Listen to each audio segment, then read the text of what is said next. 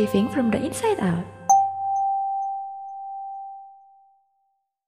Halo para kalian namita, jumpa kembali di Segenggam Daun serial Good Question, Best Answers. Seringkali saya ditanya, umat Buddha bertuhan gak sih? Dengar-dengar penganut ajaran Buddha tidak mempercayai Tuhan ya? Saking seringnya pertanyaan atau bahkan tudingan ini dilancarkan ke umat Buddha, akhirnya banyak di antara kita yang jelas-jelas ngakunya umat Buddha ketar-ketir kalau ditanya tentang Tuhan. Ya, artinya masih ada di antara umat Buddha sendiri yang sama tidak paham atau sama salah keprahnya dengan mereka-mereka yang menuding bahwa ajaran Buddha tidak memiliki konsep ketuhanan. Bahkan sampai-sampai ada juga yang ngecap umat Buddha itu ateis. Well, well. Padahal ketika membicarakan tentang ketuhanan, keesaan dan kemutlakan itu ada kok dengan jelas. Ya, dengan sangat jelas ditemukan dalam ajaran Buddha. Dan itu sangat dijunjung tinggi oleh umat Buddha. So, tuduhan bahwa umat Buddha ateis karena tidak mempercayai Tuhan itu jelas-jelas sangat keliru dan pastilah dilakukan oleh mereka yang tidak paham dengan konsep ketuhanan yang jelas-jelas ada dan ditegaskan dalam ajaran Buddha. Hanya saja hmm, memang terdapat perbedaan pemahaman antara perspektif Buddhis dan keyakinan lainnya dalam konsep ketuhanan. Ya, wajar saja. Saya rasa kita semua sependapat walaupun sama-sama mengajarkan kebaikan dan kebenaran demi kebahagiaan umat manusia, tidak heran kok jika dijumpai perbedaan-perbedaan doktrin atau ajaran antara satu agama dengan agama lainnya. Jadi, menganggap bahwa umat Buddha adalah ateis hanya karena memiliki konsep ketuhanan yang tidak sama dengan ajaran agama lainnya, itu hal yang sangat tidak bijaksana. Terlebih lagi jika tidak terlebih dahulu memahami secara mendalam pandangan Buddhis akan hal ini. Jangan heran, bukan hanya orang-orang non-Buddhis yang tidak paham, banyak umat Buddha sendiri yang ternyata masih belum cukup mengetahui konsep ketuhanan dalam ajaran Buddha. Olehnya itu, kali ini kita kehadiran seorang sahabat yang ingin bertanya untuk mencari tahu lagi lebih jauh mengenai konsep ketuhanan dalam pandangan Buddhis. Dan saya akan mencoba untuk memberikan jawaban-jawaban yang sederhana dan mudah dipahami untuk pertanyaan-pertanyaan tersebut. So, yuk kita mulai.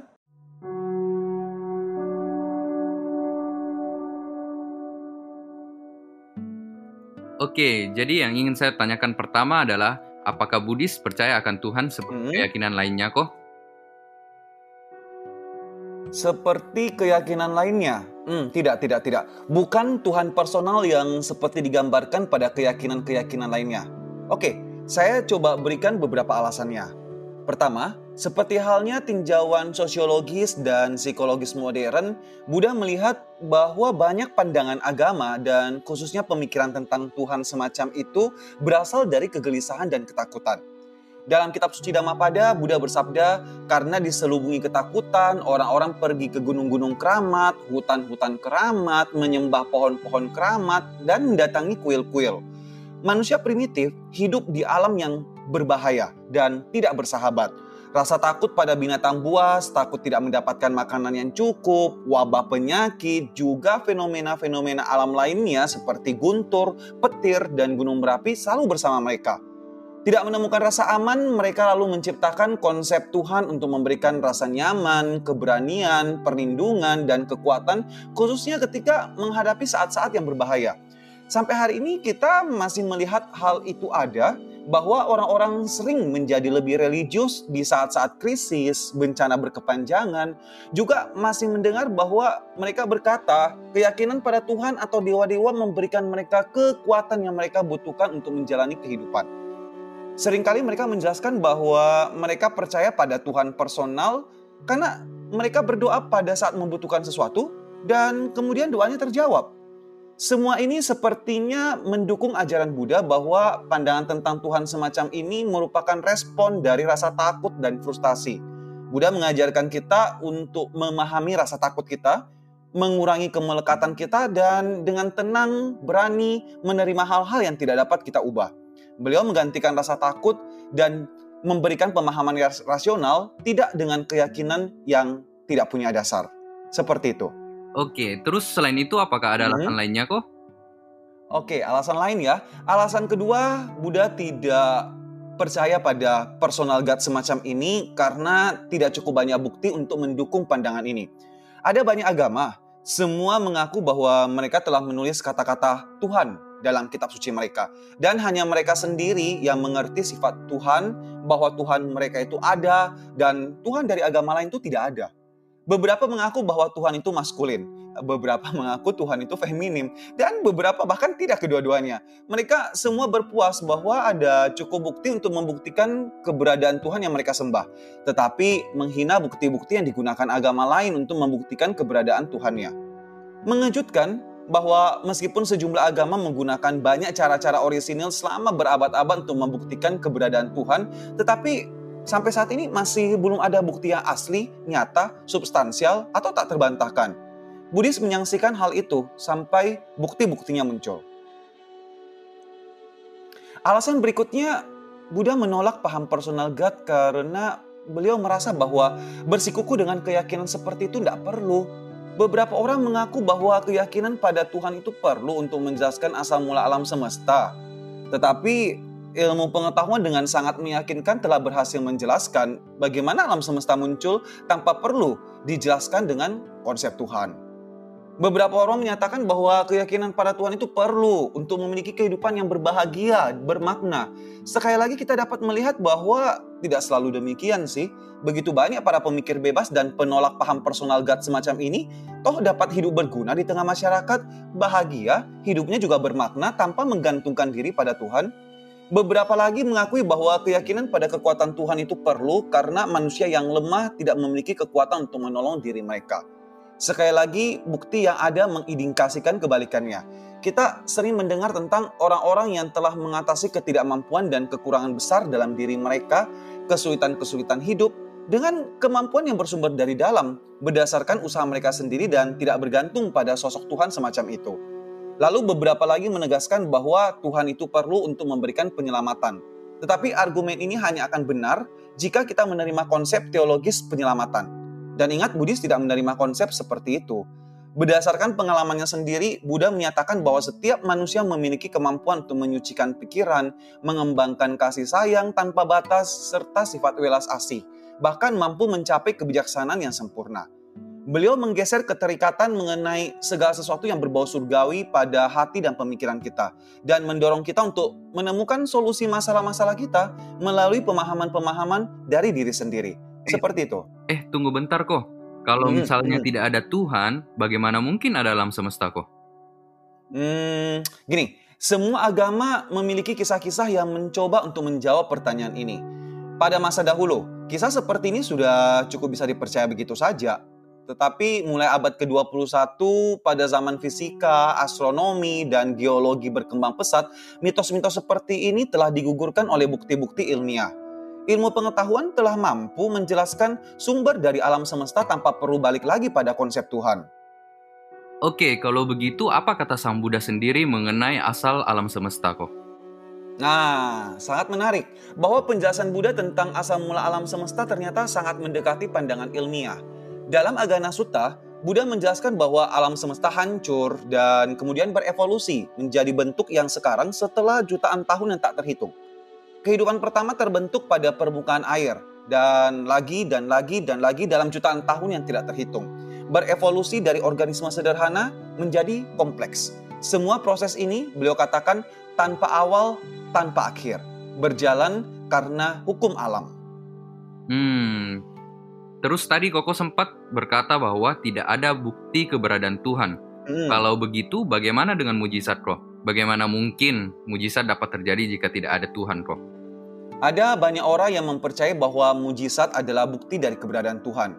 Kita mendengar kesaksian tanpa dasar bahwa kesembuhan terjadi, tetapi kita tidak pernah mendengar pengakuan independen secara medis atau dari dokter kita mendengar isu-isu yang berkembang bahwa ada orang yang diselamatkan dari bencana secara mujizat, tetapi kita tidak pernah mendapatkan pengakuan langsung dari saksi mata mengenai apa sih yang sesungguhnya terjadi.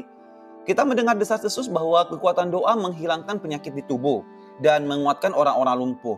Tetapi kita tidak pernah melihat hasil X-ray ataupun mendapatkan laporan medis dari dokter atau perawat untuk membuktikan hal-hal semacam ini. Pengakuan tak berdasar, isu-isu, dan semacam katanya adalah bukan merupakan bukti nyata. Dan menurut saya, bukti nyata dari mujizat itu sangat langka sih. Akan tetapi somehow hal-hal yang tidak lumrah, yang luar biasa atau hal-hal yang tidak dapat dijelaskan dengan logika kadang-kadang memang bisa terjadi. Tetapi ketidakmampuan kita untuk menjelaskan hal-hal seperti itu tidak lantas merupakan persetujuan atas pandangan keberadaan Tuhan yang personal ini. Hal itu hanya membuktikan bahwa pengetahuan manusia yang masih belum memadai. Sebelum dikembangkan obat-obatan modern, ketika orang belum tahu penyebab medis dari berbagai penyakit, mereka percaya bahwa Tuhan atau dewa-dewa mengirim penyakit sebagai hukuman. Sekarang, dengan dunia kedokteran yang begitu maju, kita mampu mengetahui apa penyebab hal-hal seperti itu. Ketika kita sakit, ya kita tinggal minum obat.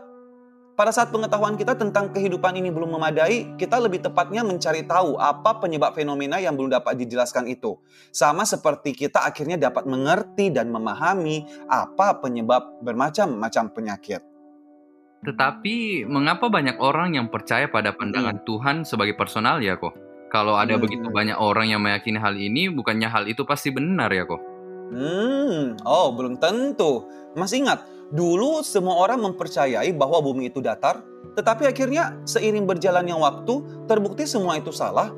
Begitu banyak orang-orang yang meyakini dan memastikan hal ini benar pada masa itu. Dan ternyata mereka salah beberapa banyak orang yang meyakini sebuah pandangan itu bukan tolak ukur benar atau tidaknya teori tersebut. Satu-satunya cara yang bijak dan logis untuk dapat menyatakan ajaran, teori, atau suatu pandangan itu benar atau salah adalah dengan melihat dari fakta-fakta dan meneliti bukti-bukti yang ada. Ya, secara logis, ilmiah, dan empiris. Begitu istilah kerennya.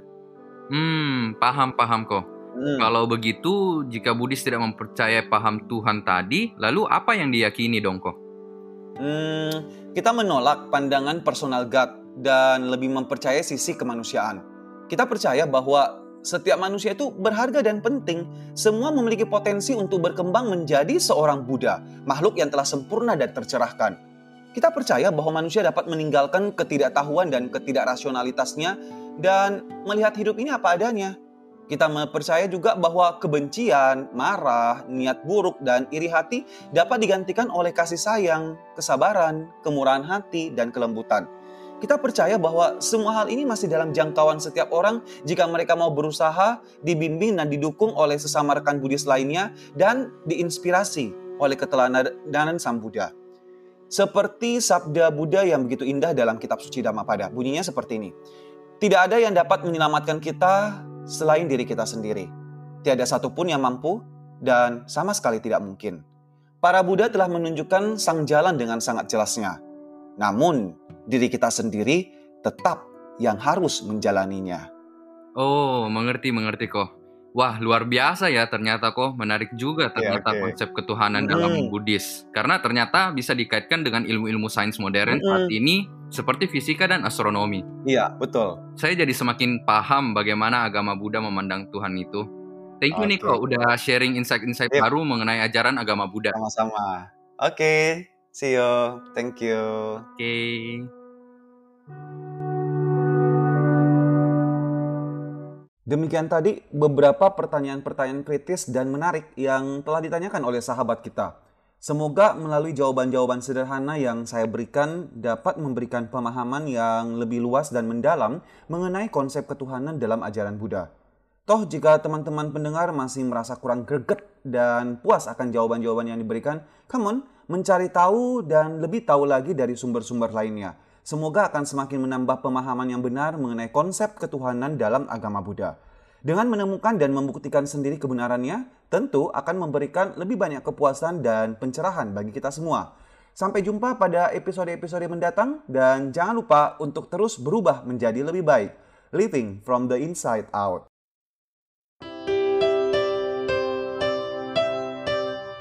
Living from the inside out.